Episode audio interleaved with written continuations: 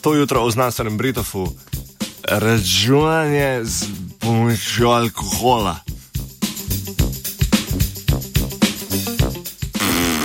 Snemanje nevidnega metana. Wom, wom. 46. odprava bo poletela na vesoljsko postajo.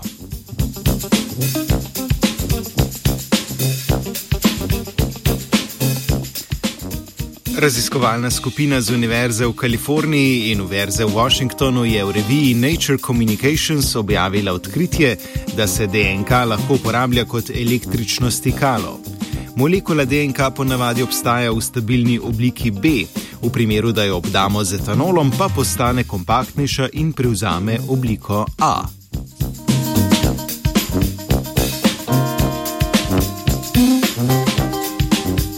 Raziskovalna skupina pa ni merila spremembe oblike molekule DNK, temveč njeno električno prevodnost.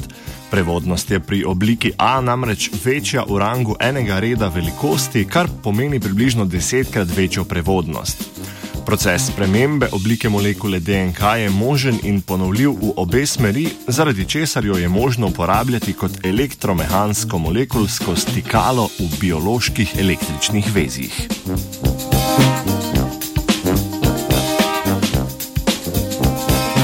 A preden začnete sanjariti o novem računalniku z biološkim mikroprocesorjem, je treba vedeti, da se to najverjetneje ne bo zgodilo, vsaj ne v takšni obliki.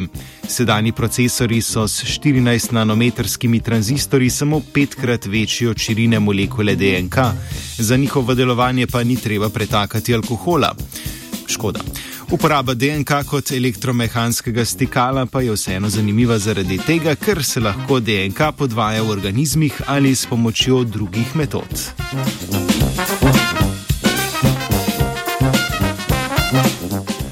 Prisotnost metana v zraku določamo na več načinov. Vsem je skupno, da merijo le njegovo količino, naj si bo v celotni atmosferi ali na določenem merilnem mestu. Nedavno pa so švedski raziskovalci razvili kamero, ki lahko posname tudi tok metana v zraku.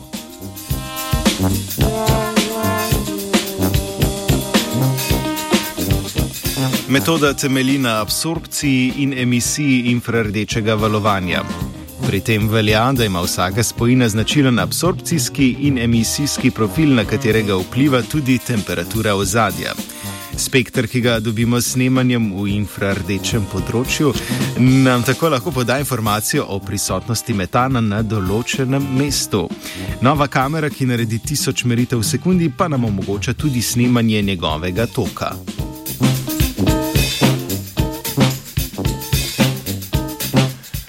Znano je že, da k izpustom metana zelo veliko prispeva živinoreja, predvsem govedoreja. A nastaja tudi drugot v naravi, njegov izvor pa pogosto ni povsem pojasnjen. Izum je tako pomemben predvsem zato, ker omogoča odkrivanje virov sproščanja metana v ozračje. Ker ima kamera domet približno 700 metrov, bi lahko določeno področje posneli tudi iz zraka in s tem dobili informacijo o glavnih virih izpustov. S poznavanjem glavnih virov pa bi lahko tudi zmanjšali skupno količino emisij metana v ozračje.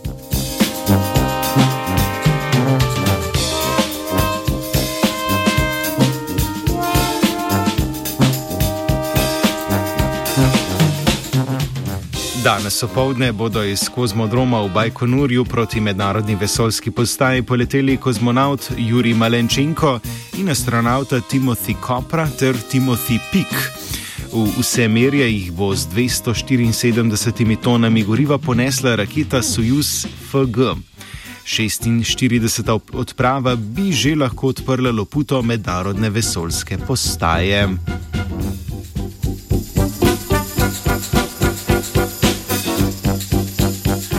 Ob pomoči alkohola sta med potovanjem v vesolje metan snemala jaka in vajenec Jure.